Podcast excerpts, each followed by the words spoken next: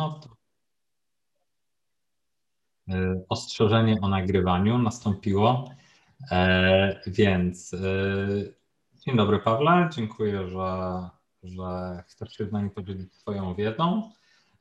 Opowiedz coś o sobie, jakby co, jakby skąd posiadłeś wiedzę tajemną o, o naukach prawnych? No. Cześć, witam Ciebie i wszystkich, co nas słuchają. Dziękuję, że mnie zaprosiłeś e, do swojego podcastu. E, jestem radcą prawnym. E, w zasadzie jestem nim od 8 lat. Plus jeszcze wcześniej trzyletnia aplikacja radcowska, czyli w zasadzie no, praktykuję tutaj w zawodzie od 12 lat i głównie zajmowałem się mm, prawem gospodarczym e, w zakresie różnych przedsięwzięć, firm e, i wokół tego krążących tematów. Okay. I, studia robiłem we Wrocławiu na Uniwersytecie Wrocławskim. No dobra, no i jakby y, napisałeś właśnie w tej grupie dla twórców gier, że, no, że chcesz się podzielić. Jakby ty chciałeś coś mówiłeś o formie pisanej, ja cię ja Cię wyciągnąłem na formę gadaną.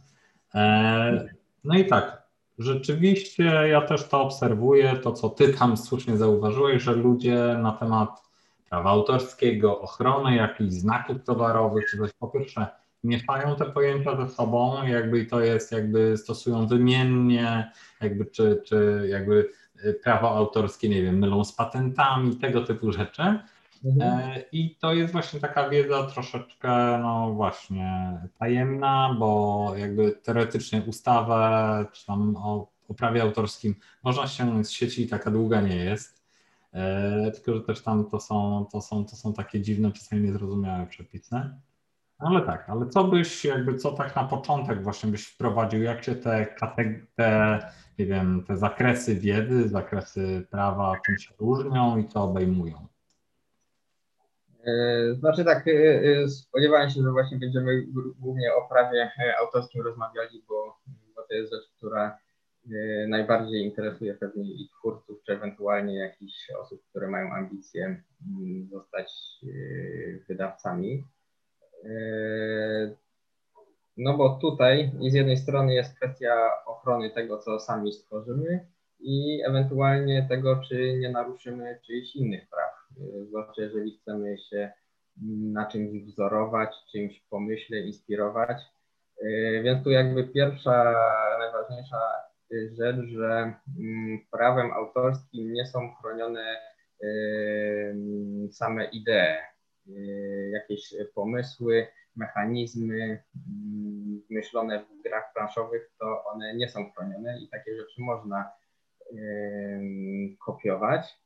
Yy, natomiast yy, ochroną, ochroną mm, objęte są mm, wszystko, co zostało wytworzone, czyli taki przejaw działalności twórczej o yy, indywidualnym charakterze. Tak, tak, tak. To, to, to, to występuje w definicji, jakby to powtarzasz. No właśnie tutaj jakby ja ukradłem troszeczkę. Za moimi plecami jest. No tak, to jest taka podstawa podstaw. Tak. Za mną jest, za mną jest y, karta lobotomia, jako właśnie żart do tego, czy można, czy można ukraść pomysł. Nie? No, pomysł właśnie znajduje się, jakby wszelkie idee, niezrealizowane pomysły, no, z definicją nie do skradzenia. Natomiast tak, jakby tym o charakterze twórczym, tym indywidualnym, no to jest, dajmy na to, taką najbardziej namacalną częścią gry planszowej jest instrukcja, tak? Jakiś, jakiś, jakiś wpisany tajemniczy algorytm, czy coś takiego, czy zawartość kart, gdzie, jakby, gdzie przebiega jakaś taka granica, yy, jakby, którą ty. Znaczy, to wiadomo, że nie ma jednej uniwersalnej odpowiedzi, bo yy, no tak jak większość praw, prawników powie na większość tematów, że wszystko zależy yy, i to jest kwestia bardzo indywidualna. Także chociażby na przykład y, odnośnie instrukcji. W zasadzie wszystko w instrukcji może być potencjalnie przedmiotem praw autorskich, czyli na przykład układ treści, jakiś podział na rozdziały, formuła wyjaśniania, czyli jakieś tam układy graficzne, sposób prezentowania tego, tylko że to musimy pamiętać, że to musi mieć e, twórczy i indywidualny charakter. Czyli jeżeli ktoś według jakiegoś tam standardu idzie, że zrobi jakiś tam wstęp, wymienienie elementów gry, celu gry, no to mm, coś takiego nie jest y, chronione prawem autorskim i można powiedzmy sobie jakiś tam układ treści taki spokojnie skopiować. Ale już sama treść dokładnie odwzorowana, czyli słowo w słowo, y, no to w tym momencie już kopiujemy kogoś i, y, i czegoś takiego nie można robić albo można za ewentualną zgodą tej, tej osoby. Tak. Ja tutaj podam przykład taki, który kiedyś jakby się pojawił w wydawnictwie Granna, gdzie jakby tutaj no, taka dość kontrowersyjna sprawa wyszła. Oni mieli dość popularną serii gier, to były takie quizy, na przykład jeden z tam właśnie z quizów przyrodniczych, chyba to był czy geograficzny, gdzie gra została skopiowana no, z naszego punktu widzenia w sposób bardzo ordynarny, natomiast sąd oddalił, nie widząc istoty sporu, e, ponieważ e, ten quiz e, skopiowany miał odpowiedzi, nawet takie same, ale umiejscowione jakby nie ABC, tylko BCA, nie?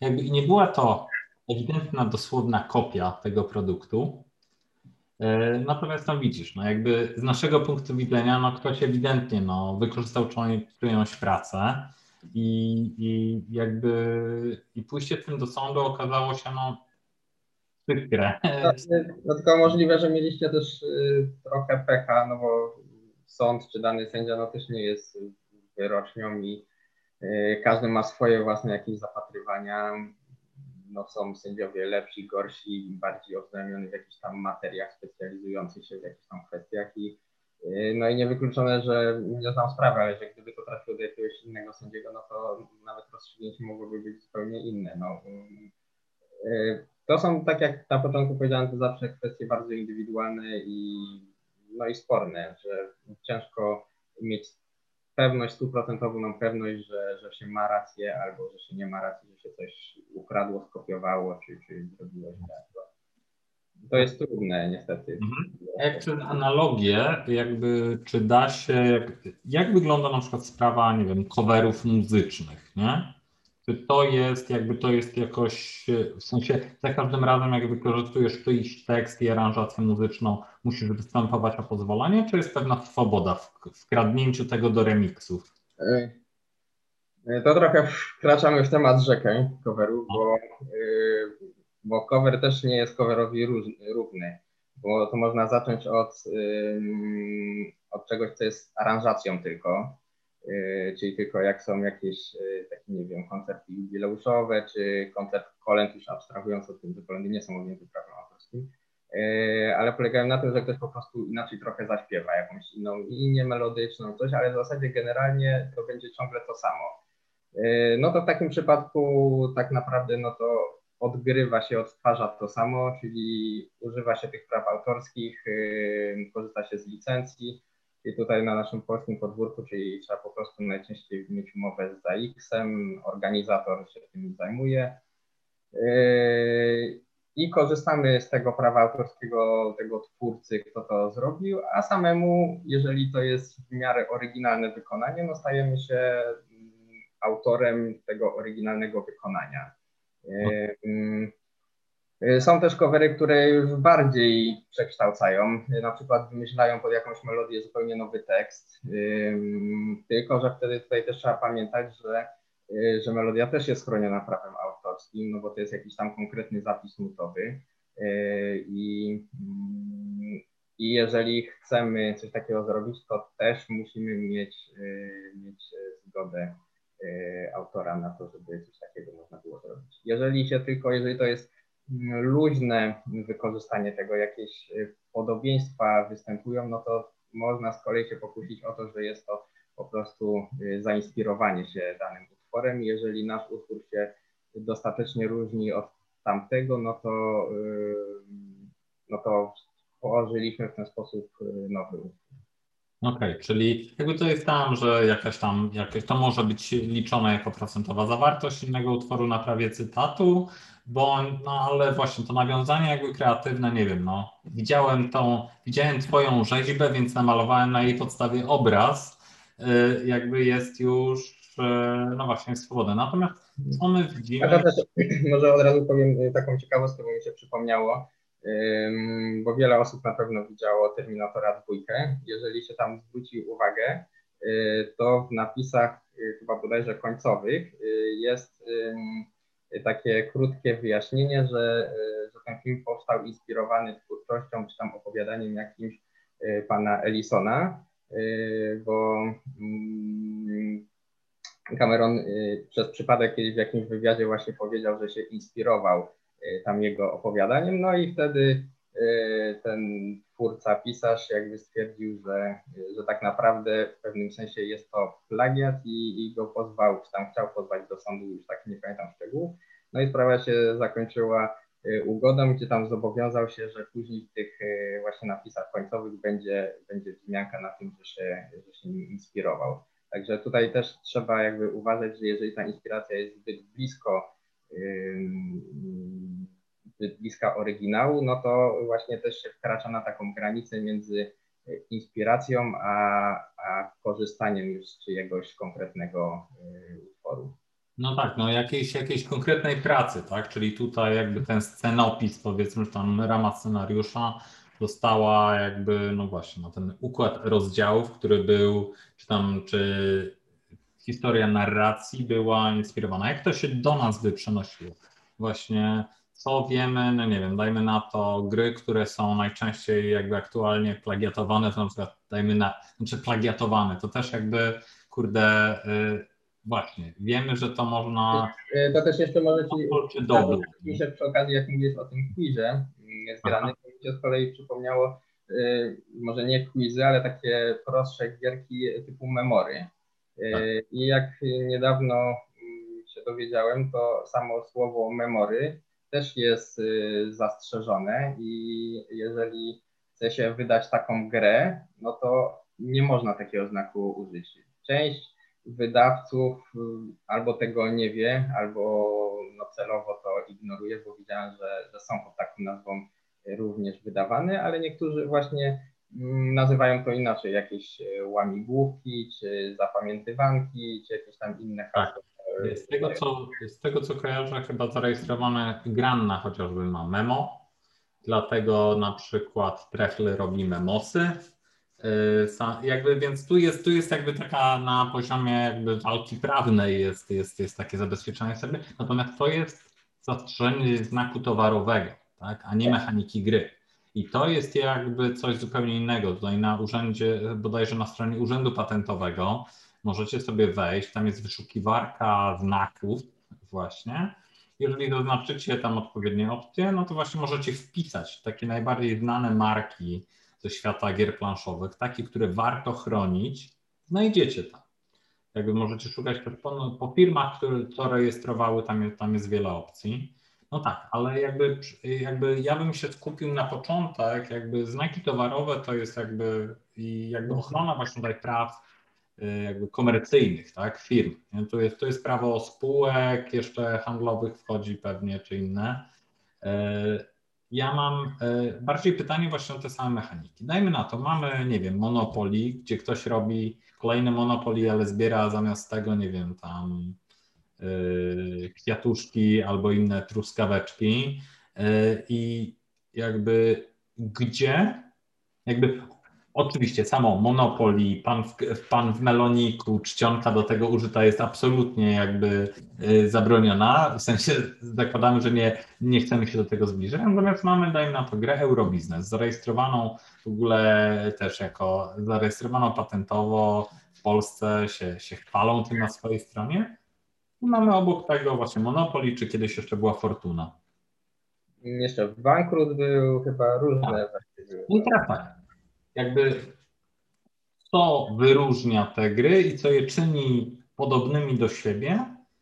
Y, I teraz tak, to samo mamy, nie wiem, dajmy na to z różnymi dubletami, które są tam, nie wiem, jakimiś kopiami czy grami po prostu opartymi na tym samym mechanizmie co Doble, e, czy parę innych rzeczy, gdzie my, jakby mając czystość sumienia, e, co możemy zrobić, dajmy na to, taką agrikolą, że jak daleko Twoim zdaniem, jakby to też jest, bo to też jest sprawa etyki również pracy, nie?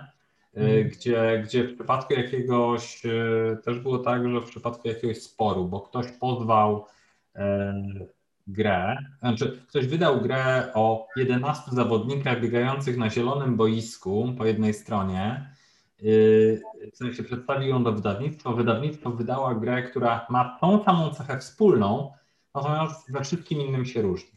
No i tam później byli znajomi z branży wzywani jako biegli w ogóle, żeby no, opowiedzieli sądowi o tym procesie, nie? że samo to, że plansza jest zielona i jest na nim 11 pionków po każdej ze stron, nie oznacza, że ta gra jest taka sama. Nie? Co ty byś radził osobom, które mają, dajmy na to, dwie wspaniałe gry, które kochają i chcą je zmeszapować? Jak ty byś im podał rękę? Znaczy tak, y, moim zdaniem główne zagrożenia odnośnie praw autorskich jednak dotyczą um, jakichś kwestii znanych postaci, jakichś nazw, grafik używanych. Y, jeżeli chodzi o mechanikę, to y, to jest, bym powiedział, dosyć duża swoboda i możliwość czerpania z tego, że to naprawdę by trzeba było tak w skali 1 do 1 skopiować y, cały mechanizm i w zasadzie w tej samej tematyce jeszcze to ubrać, żeby, żeby można było mówić o plagiacie, bo no nie oszukujmy się, nie da się mm, ciągle wymyślać czegoś nowego. Y, takie jakieś gry, które są całkowicie nowatorskie, no to się zdarza może tam, nie wiem, jedna na, na rok czy dwa, a cała reszta, no to po prostu w różny sposób y, miesza istniejące, znane już jakieś tam mechaniki, czerpiąc z tego, co, co już istnieje. Nawet no, wielu autorów no, nie ukrywa tego, że, że się tam na czymś wzoruje. Y, więc tutaj bym się nie bał, że, że jeżeli weźmiemy jakieś dwie swoje ulubione gry i pomieszamy ich mechaniki, to, y, to nikt nie będzie nam tutaj robił z tego jakiegoś problemu czy zarzutu, że, że coś ukradliśmy. Bo, no to mówię, to by trzeba było naprawdę skopiować idealnie i jeszcze no, ten sam temat wymyślić. Nawet tutaj Agricola, jeżeli zrobimy, że to są, nie wiem, jakiś turniej rycerski, coś i, i lekko nawet zmienimy mechanikę, no to to już tak naprawdę no, będzie inna gra. No tak, oczywiście etyka branży, jakby odpowiedź, że nie, my nie chcemy tego dystrybuować, bo po prostu y, według mnie pojechałeś za blisko po bandzie i nie będziemy wspierać tego. Sprzedawaj to sobie sam przez Allegro i baw się dobrze. Y, ale, y, ale tak, no w sensie Wiem, ja wiem, widzieliśmy jakby. Mm, natomiast co w takim razie. Tak, no właśnie jest, jest to trudne zatem. Z jednej strony nie chcemy do tego zachęcać, tak, no bo kopiowanie jakby nie powinno jakby yy, yy, nie powinno do tego prowadzić, ale wiemy, że właśnie, że samej, samej idei gry nie ochronimy. Natomiast yy, wcześniej Kiedyś w ramach okrągłego stołu planszówkowego z Mateuszem Zarodem rozmawiałem, który też jest, e, też jest radcą prawnym. I on mówił, że dużo właśnie ciekawszym sposobem właśnie ochrony swojego produktu wtedy, czy tam idei, jest właśnie jest rejestrowanie rzeczy bardzo ważnych dla tej gry, nie? na których ona się właśnie opiera, czy to terminologii, gadżetu, a jakby w przypadku tego, jak, jak wydajesz już grę, nie, to jakby przypinasz ją na przykład ze swoim nazwiskiem, na przykład tworzysz, nie? To, to on chyba bodajże doradził Michałowi Oraczowi, że na pudełku jest Michał Oracz Neuroshima, nie? że tam jest zawsze jakby jego, jakby, że to jego autorstwo jest częścią znaku towarowego, nie? jego imię i nazwisko. E, jak ty to widzisz? To o co powiedzmy początkujący autor lub wydawca powinien zadbać? Tutaj mówi y, jakby w obronie swojego. Do nienaruszania czyichś praw jeszcze wrócimy. Znaczy, tak naprawdę początkującemu autorowi w zakresie ochrony jego praw, to no to chyba nic nie będę doradzał, bo, bo, bo nie ma sensu rejestrowanie jakichś znaków towarowych czy zastrzeganie tego jest czasochłonne, kosztowne i na jakimś tam początkowym etapie niepotrzebne. Jeżeli się okaże, że nasza gra jest super, wszyscy chcą w nią grać, to myślę, że to jest ten moment, kiedy y, można się zastanowić, żeby, mm, no żeby już zainwestować w jakąś tam rozpoznawalność swojej marki, czy jakichś tam elementów oryginalnych tej gry, żeby, y, no żeby nikt tego nie chciał skopiować, bo jeżeli nasza gra będzie jedną z wielu na rynku, no to wątpię, że ktoś akurat będzie chciał tą konkretną grę jakiś sposób wyraźny skopiować i będzie widać, że się y, na naszej mm, wzorował, a nawet jeżeli nasza pozostanie niszową, to tak naprawdę nikt się nawet nie zorientuje y, o tym. I, i takie kwestie dotyczące ochrony znaków towarowych, y, no to jednak są już dla takich średnich i dużych przedsiębiorstw. Oczywiście, jeżeli my mamy coś cennego, jesteśmy przekonani co do tego, że, że jest to cenne i warto to chronić, no to oczywiście jak naj, najbardziej tak, bo to jest ten taki poziom wyżej ochrony ponad y, prawa autorskie, że nie da się wszystkiego chronić prawami autorskimi. Jeżeli nam się uda coś zastrzec jako nasz y, znak towarowy, czy jakiś tam wzorzec użytkowy, jakiś nie wiem, specjalny sposób y, opakowania gry, czy cokolwiek innego, co jest właśnie jakieś takie twórcze i pomysłowe, y, no to, to możemy wtedy mm, ochronić.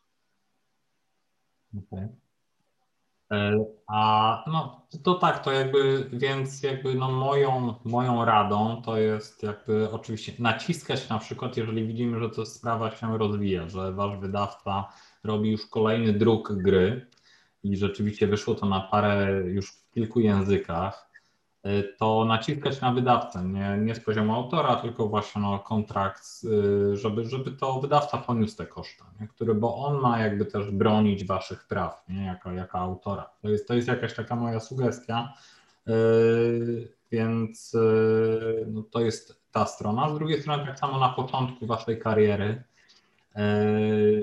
nigdy nie podpisujcie NDA-ów, czyli Non-Disclosure Agreement, jeżeli nie rozmawiacie z firmą pokroju, nie wiem, Sony, Warner Bros., czy, yy, czy nie, nie mówicie o jakiejś yy, adaptacji, która jest naprawdę, naprawdę jakby już wysoka i tajna. Nie, na przykład Lucky Duck niedawno miał taki konkurs dla autorów, który miał być oparty na jakieś, ale to było konkretne powiedziane, że konkretna firma z branży, jakby, która jakby wiadomo, że już obraca dobrymi tytułami, robi to z jasnych powodów. Nie?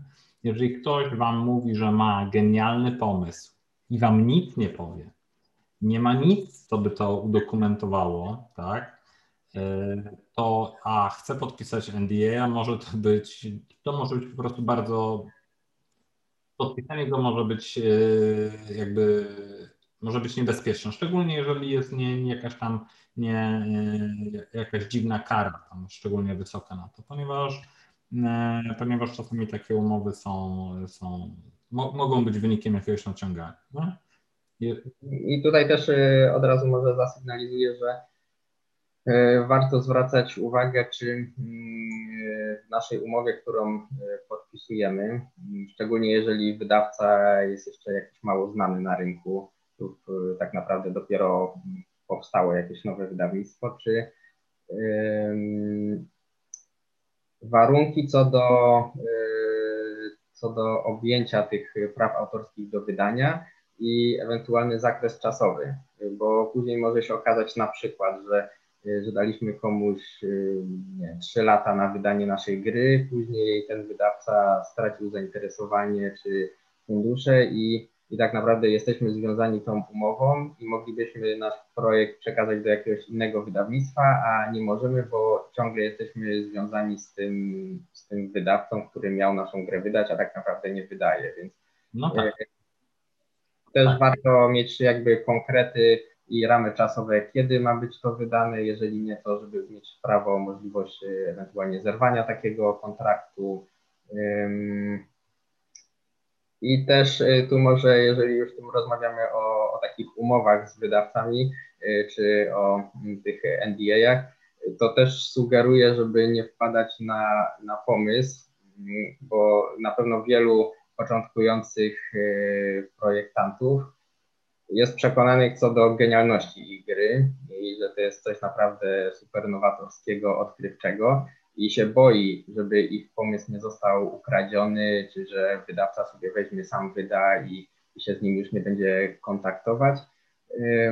Bo słyszałem takie, takie opowieści właśnie, że może taki ktoś bierze i przedstawia, czy mówi, a ja pokażę wam mój projekt, moją grę, ale podpiszcie mi tutaj jakąś e, klauzulę poufności, czy jakieś kary umowne, jeżeli coś tam e, zrobicie. No i taki wydawca takiej osoby już nie będzie traktował poważnie, więc e, jeżeli zwłaszcza to jest duże wydawnictwo, to no, oni szanują swoich kontrahentów na pewno i, i to, to są niepotrzebne. Tak, no, jeżeli ja oglądam kilkaset gier rocznie, nie, nie zagwarantuję ci, że jakby podpiszę NDA na to, że jakiś fragment twojej gry nie pojawi się pośród tych powiedzmy kolejnych kilkudziesięciu tytułów, których wydajemy, bo po prostu to jest jakby machanie takim papierkiem, to, to, to nie ma sensu. Nie? Jakby musisz mieć coś na jakby na swoje umocowanie, e, żeby, żeby, to, żeby to przedstawić. Jeżeli, no mówię, no nie, twój e-mail nie przychodzi, nie wiem, z domen disney.com, to proszenie mnie o NDA jakby mija się trochę z celem. Nie? E, natomiast to, co mówiłeś o tej ochronie praw, e, o ochronie praw autora, osoby, jego tam praw, jego, jego dzieła, w, jakby kontra złe, krwiożercze wydawnictwo, absolutnie wspieramy to. E, taką praktyką, którą my zaczynamy stosować, to jest zapożyczone od firm francuskich, z którymi się komunikowaliśmy. Tam jest dość takie żywe, a też taka bliska społeczność autorów i, i wydawców, dobrze się znają i oni wypracowali taką metodę, że na przykład, że możemy podpisać taką prometę czy jakąś taką umowę na rezerwację, że jakby, że nie jest to pełna przedpłata, natomiast Twoja gra podoba nam się na tyle, że chcemy zastrzec y, ją na przykład na trzy miesiące. Dajemy sobie trzy miesiące prawa pracy nad nią, znalezienia wycen, producentów może nietypowych materiałów i wypłacamy Tobie jakby awansem jakąś tam e, zaliczkę, czy nie wiem jak to, też to są, trzeba użyć poprawnego słowa, żeby to było bezzwrotne, ale że bezzwrotnie ci dajemy, nie? jeżeli kontynuujemy współpracę, no to to jest na poczet przyszłych tantiem na przykład, jeżeli nie, no to przepraszamy, jakby na zasadzie, kurde, fajny projekt, ale nie udało nam się jakby znaleźć sposobu, żeby go odpowiednio wyprodukować, jakby zaprezentowaliśmy go na przykład kupcowi w dużej sieci handlowej, na przykład w Empiku i on powiedział, nie, chyba nie, jakby nie potrzebujemy takiego produktu w przyszłym roku na półce, no i przynajmniej elegancko się żegnamy, jakby w sensie zadbaliśmy o Twoje prawa. Natomiast później, tak, możemy przedłużyć tą umowę, no właśnie gwarantując, że za rok na przykład gra na przykład zostanie wysłana do produkcji albo coś takiego, nie? Jest to jasno i precyzyjnie jakby powiedziane, że jakby, że my już w tym czasie już mamy jakieś tam, nie wiem, zapłacone właśnie zadatek w fabryce, czy coś takiego, nie? Że jakby, że jest to już nieunikniony ten proces, a nie, że to po prostu zostało wrzucone do jakiejś najgłębszej szuflady w najgłębszej piwnicy. Nie? Żeby cię tylko zablokować, no coś, co jest w ogóle no, karygodnym zachowaniem. Natomiast zdarzają się błędy. No. I jakby y, z tego też jest czasami, jakby czasami te gry, jakby po przekroczeniu takiego terminu, jakby to też im się też dzieje dobrze, one czasami wracają do pierwotnego wydawcy, no ale to już y, jakby niektórzy wiedzą, o jakiej grze ja tutaj mówię, natomiast takie, takie rzeczy się po prostu dzieją i tak.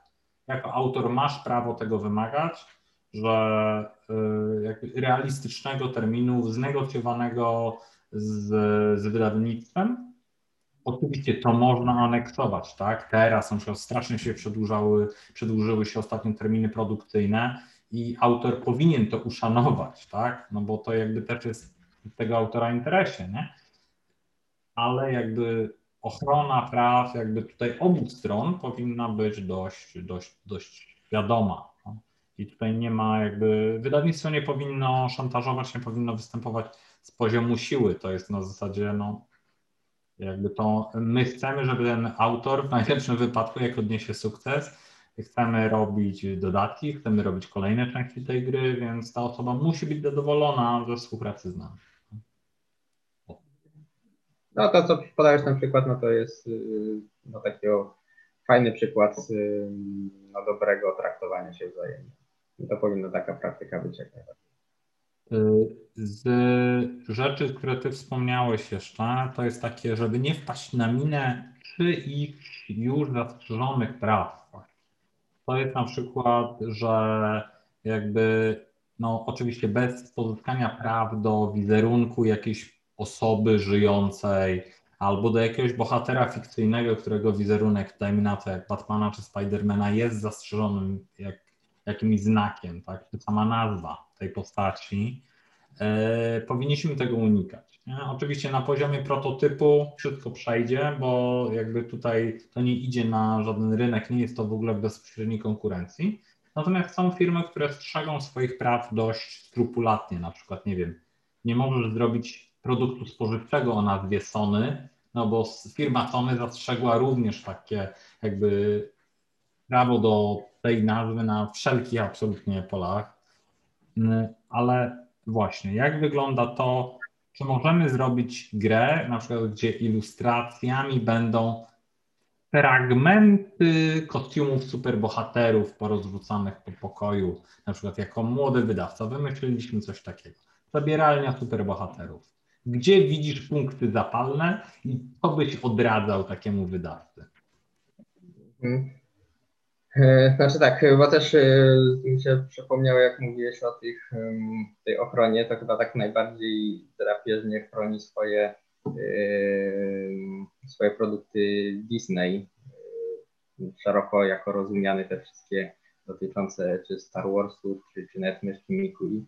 I tutaj nawet taką mogę anegdotkę powiedzieć, że, że ogólnie prawa autorskie w Polsce, w Europie wygasają po 70 latach od y, śmierci twórcy. Y, I w Stanach Zjednoczonych też taka była zasada i tam był taki problem, że mm, na przełomie stulecia y, wygasłyby prawa do, do myszki Miki jako takiej. I nawet specjalnie Disney lobował swoimi pieniędzmi polityków, kongresmenów, że została przepchnięta ustawa, która tam została złośliwie nazywana ustawą o ochronie myszki Miki, y, która przedłużyła y, okres y, ochrony mm, tych wszystkich utworów praw autorskich. I to zostało przedłużone na 95 lat bodajże i jeżeli tam dobrze liczyłem, to chyba za dwa lata już zostanie osiągnięty ten czas, kiedy znowu te prawa mogą wygasnąć. No i się spodziewam, że pewnie znowu y, ten okres przedłużą i będą tak przedłużać już pewnie w nieskończoność, tak żeby, y, żeby te prawa mm, chronić.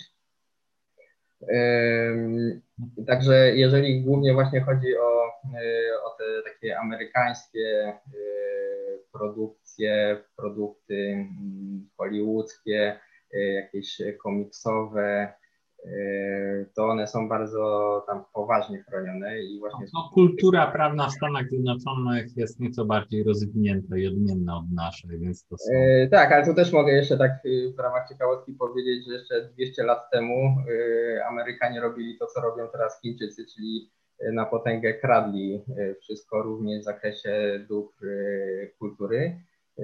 I jak na przykład tam wtedy w tamtych czasach opowieść Wigilijna Dickensa w Anglii kosztowała równowartość dolarów, to w Stanach Zjednoczonych tam chyba 6 centów, bo, bo oni po prostu no, nie poważali tych praw autorskich, kopiowali to i, i później mm, przez to też była taka sprawa, że ci amerykańscy wydawcy, amerykańscy autorzy nie mogli się przebić, bo, bo im trzeba było płacić te opłaty jakieś licencyjne czy praw autorskich i w Stanach wydawano tylko prawie e, angielską literaturę. No i to spowodowało taki konflikt, że później powstało pierwsze takie współczesne, nowożytne mm, umowa angielsko-amerykańska dotycząca praw autorskich, co tam niektórzy uważają, że to e, podstawa dzisiejszych międzynarodowych różnych takich traktatów dotyczących praw, praw autorskich wzajemnego uznawania. Okay. Także to taka dygresja, a wracając do tych superbohaterów, to tak, to, to jest chronione i na poziomie prawa autorskiego, czyli jakiegoś tam wizerunku wymyślonego, stworzonego. Jeżeli Batman miał jakiś tam kostium, miał ten symbol nietoperza, był cały czarny w masce, jeżeli to będziemy chcieli skopiować, no to y, naruszamy prawa autorskie i dodatkowo też y, mm, właśnie odnośnie takich najpopularniejszych gadżetów, postaci, te, te firmy y, zastrzegają sobie to jako znaki towarowe, więc pod tym względem też są mm, chronione. I dlatego polecam bardzo dużą ostrożność przy, mm, jeżeli chce się coś takiego wzorować się tym, jakoś inspirować, e, tak żeby ta inspiracja była no, jednak w miarę mm, odległa, żeby z jednej strony można było sobie skojarzyć to, ale żeby to nie było tak bardzo takie patologiczne, że od razu pierwsze co to każdy będzie wiedział, że o to chodzi, tylko żeby to było trochę no tak z finezją y, zrobione, bo, y, bo naprawdę y, jeżeli, znaczy jeszcze może tak powiem, jeżeli nasz produkt będzie niszowy, to tak naprawdę całkiem możliwe, że nikt nigdy się nie dowie, że złamaliśmy to, to prawo, ale no te duże firmy mają specjalnie w całej Europie kancelarie, które się zajmują tylko i wyłącznie wyszukiwaniem takich takich naruszeń. Jeżeli ktoś znajdzie te naruszenie, to, y, to nawet czasem daleko idące skojarzenie potrafią taki sposób przedstawić, że, że jest to złamanie tych, tych zasad. Mhm, tak, to są w stanie udokumentować ich stratę, bądź w drugą stronę to, że ty zarobiłeś dzięki jakiemuś pasożytniczemu przyczepieniu się, jakby ponieważ ich znak towarowy lub nawiązanie do ich zastrzeżonych jakichś praw znajduje się na opakowaniu i to mogło przyciągnąć klientów, więc życzymy sobie wstecznie opłat licencyjnych z karą. Nie? To nawet y, może tak y, powiem, to niekoniecznie dotyczy y, właśnie tam wizerunku jakichś tam bohaterów czy innych, ale co jest w takich dziedzinach gospodarczych, na przykład logo, znaki, że zdarzało mi się, że widziałem, że każdy by powiedział tak na pierwszy rzut oka, że znaki są zupełnie różne od siebie, a te różne znane firmy, które mają zastrzeżone, popularne, znane znaki, że potrafiły się, że tak powiem, czepić tego i ci mniejsi jacyś polscy przedsiębiorcy już po prostu odpuszczali na zasadzie, że, mm, no, że byli niejako trochę tak i szantażowani i przyciskani do ściany, że, że nie chcieli mieć żadnych sporów sądowych, bo to są i koszty, Y, jakieś tam ryzyko i, i że ni niestety te duże korporacje potrafią też w ten sposób zastraszać, nawet tam, gdzie, y, gdzie mm, całkiem możliwe, że nie doszło do tego naruszenia. No tak, no jeżeli masz małą firmę, a masz spędzić, nie wiem, tydzień dojeżdżając do sądów, nie? No to to są po prostu absurdalne dla ciebie koszta i obciążenia. Wiesz co, inną taką firmą, która też koszmarnie broni swoich praw jest oczywiście Apple, nie? I co śmieszniejsze, kiedyś nawet próbowali polską domenę a.pl przejąć, e, bo tak, tam istniał jakiś sklep w ogóle z elektroniką, e, no ale tak, ale gdzieś to się, gdzieś to się odbijało. To no, e, z tym, no my na przykład, nie wiem, na kartach gry Domek mamy tam właśnie poukrywane żarciki takie popkulturowe, na przykład mhm. Jakby i staraliśmy się to właśnie robić delikatnie, tak? Tam, gdzie na przykład, nie wiem, zamiast Indiana Jonesa tak przedstawionego tak na, na pałę, nie? no to jest właśnie z kapelusz i bicz i kryształowa czaszka, które jak ktoś skojarzy, że te trzy przedmioty, żaden z nich z osobna nie ma takiego wydźwięku jak trzy leżące obok siebie, nie? I jakby i tu przekazujemy jakąś treść, nie? Mhm. E, tak, ale to jest właśnie już takie odwołanie się do jakiejś trochę inteligencji, znajomości tych takich znaków kultury, że tam nie było podpisu, to jest Beach Indiana Jonesa, czy jego tam wizerunku skopiowanego z filmów, więc yy, yy, takie właśnie jakieś z pomysłem przemycenie tych takich znaków rozpoznawczych jest, jest ok. No właśnie, czy na przykład wiemy, że jakiś bohater w danym filmie nosił konkretny, nie wiem, krój marynarki czy spodnie i jakby natomiast one nie są jakby tym jego, jakby jest to element jego wizerunku, no to wtedy, wtedy rzeczywiście można tym, coś z tym robić. No natomiast to jest, wiesz, skupianie się też na takim, e, jakby mówisz, że tam, że Disney bardzo ostro to trzyma, natomiast też te firmy, e, nie wiem, czy Blizzard właśnie, czy Disney w ramach Star Warsów e, udostępniają pewnego rodzaju, wspierają działalność fanowską, pewnego rodzaju też dzieł, nie wiem, czy cosplayu właśnie, czy coś takiego, jakichś tam dzieł pokrewnych, które, które no jakby Czasami kryterium takiego osądu może być to, czy ta firma się podszywa pod ten produkt lub w jakiś sposób próbuje przejąć swoich, Twoich klientów na swoją korzyść. Nie? Jeżeli jest to działalność, która nie razi bezpośrednio w główną działalność Twojej firmy, nie konkuruje z Twoim produktem, tak? No to oczywiście, że jakby jest większa szansa, że zostanie na to przymknięte oko. To, co mieliśmy jakby na przykład y, y, Instytut Pamięci Narodowej i Karol Madaj zrobili grę Znaj Znak, która ważyła kilka kilo w dużym pudełku. Była, była po prostu wersją doble, tylko na znakach z historii Polski, tam jakiegoś dekresu podejrzewam. I jakby jako, że nie była ta gra w dystrybucji, tak, w sensie ona nie była na sprzedaż, ona de facto była jakby rozdawana szkołom, bibliotekom, tak, jakby nie istnieje, pomimo tego, że mechanicznie jest to to samo, no nie istnieje do tego podobieństwo względem, dajmy na to tego dobra. Więc jakby e, w związku z tym w ogóle nie ma sensu jakby o to, o to kruszyć kopii, nie? Natomiast, natomiast zdarzają się rzeczy takie, że, e, e, że no właśnie, że rzeczy, które nawet są za darmo, to mi się skojarzyło, dajmy na to Cards Against Humanity przez długi czas jakby, no jest chyba dalej, że można ściągnąć sobie po prostu i zrobić tą polską wersję, natomiast czy ją wydrukować, natomiast zabroniono jest czerpanie z tego korzyści majątkowej takiej, że jakby profesjonalnie będziesz to drukował i sprzedawał. Nie? Mhm. No to właśnie tu dotknęliśmy tematu y, różnego rodzaju działalności fanowskiej tak zwanej. Mhm.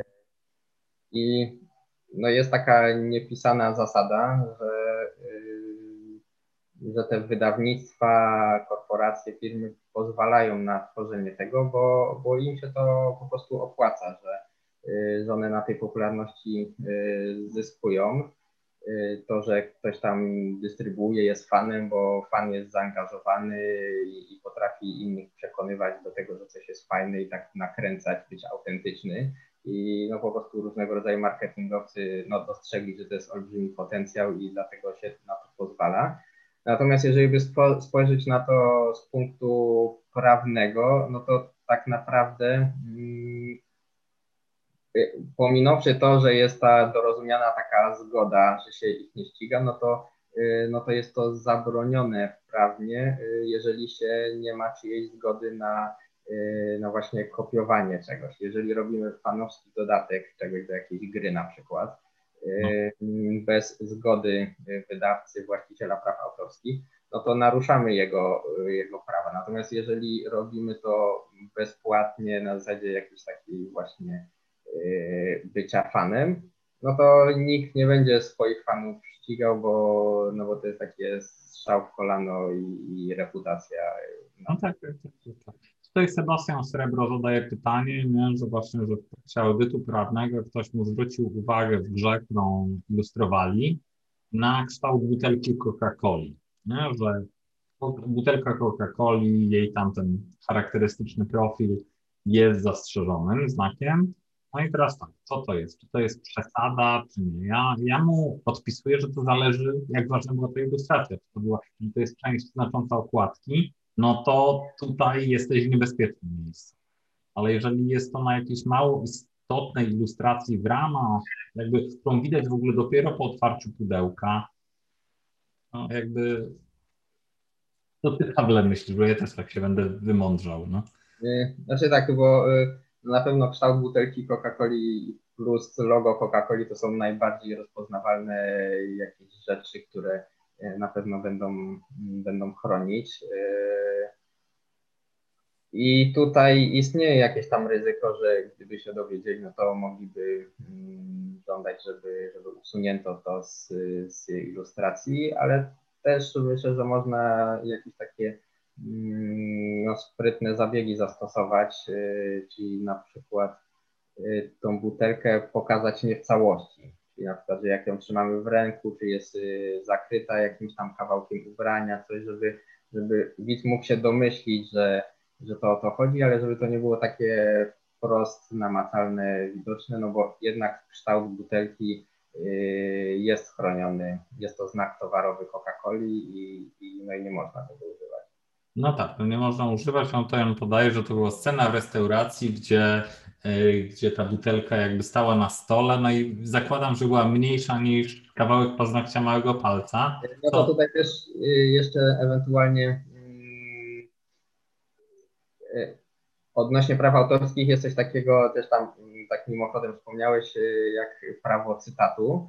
Y, I też jeżeli się korzysta mm, z jakiegoś tam drobnego mm, fragmentu, czy coś jest tylko jakimś drobnym tłem na ilustracji, na fotografii, czy w tekście, jest jakimś tylko fragmentem czegoś innego, no to można z tego korzystać.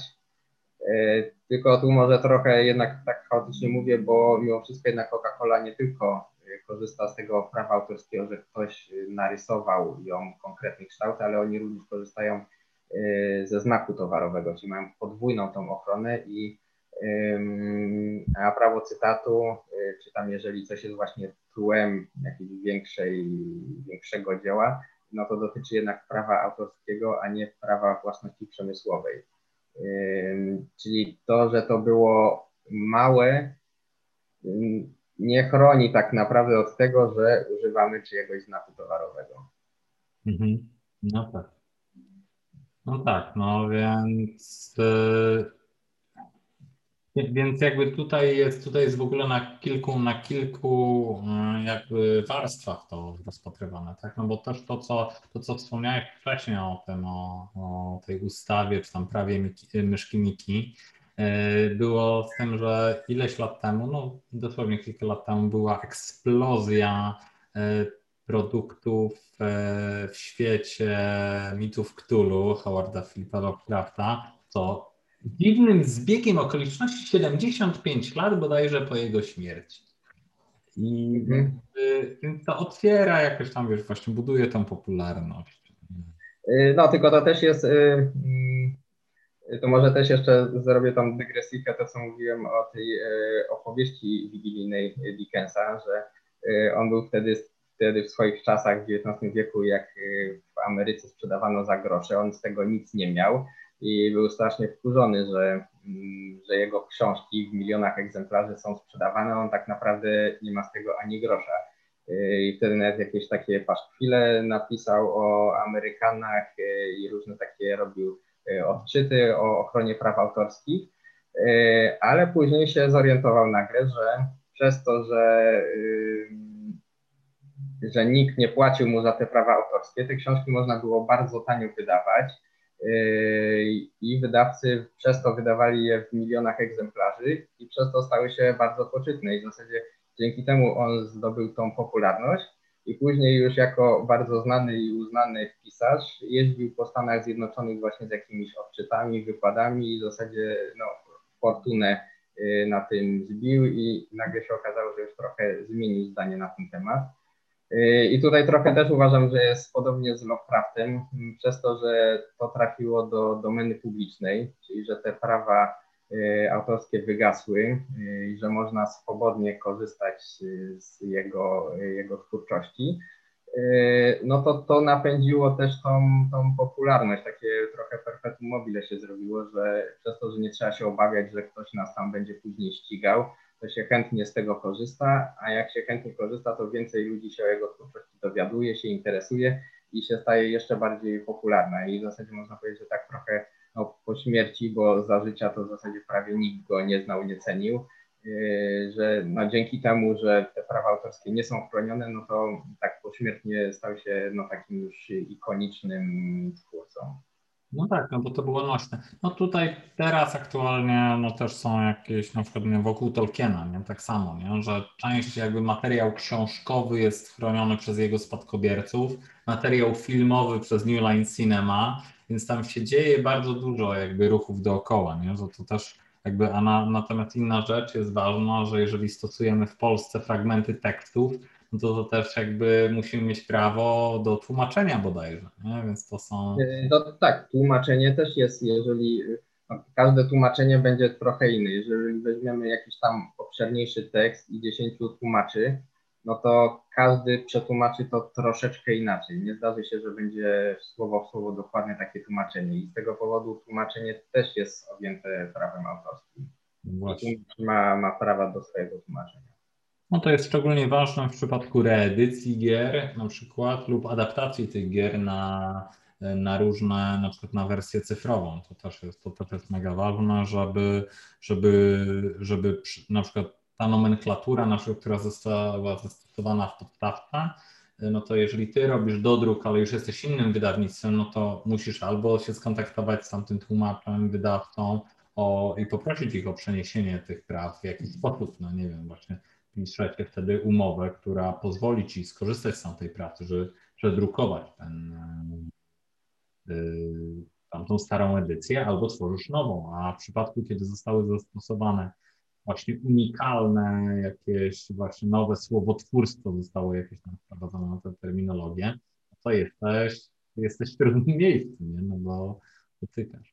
Tutaj Przemysław Kamiński napisał, nie, że były patenty na określone rzeczy, nie, właśnie opatentowane minigry na ekranach ładowania, Nintendo, Warner Bros. coś, coś patentowało. Tak, patenty w grach oczywiście planszowych istnieją, e, natomiast właśnie one dotyczą jakichś mechanizmów, jakichś procesów, coś, co jakby da się opisać w sposób bardzo precyzyjny, tak jak na przykład istniał przez, przez teraz bodajże po 25 latach wygasł patent y, Magic the Gathering, czyli tam właśnie tapowania, pakowania w boostery o konkretnym składzie commonów, uncomonów, rare'ów. To też było bardzo, e, bardzo ciekawym case'em, nie? że dlaczego w każdej tej grze nie tapuje się, tylko w jednych te, te gry, te karty się pochylają, w innych kłaniają, w innych klękają, bo nie mogą się tapować. Nie? Bo, bo słowo tap i mechanika wykorzystywania odnawialnych zasobów, zaznaczania ich przez tapowanie kart, wracanie ich samo ileś stopni, było opatentowane. To są, to są takie niuanse. Co, e, no dobra, no jak zawsze, tak, temat rzeka. E, pewnie na bardzo konkretne pytania nie odpowiedzieliśmy, natomiast miło się rozmawiało.